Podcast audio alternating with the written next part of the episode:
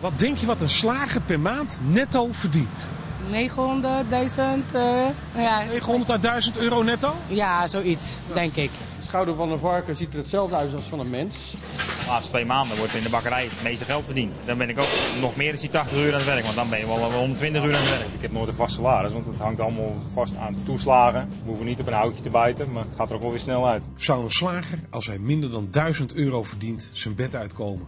Of een bakker die zijn werk vergelijkt met het profvoetbal? Of op een romantische plek in Zuid-Frankrijk wijn ophalen?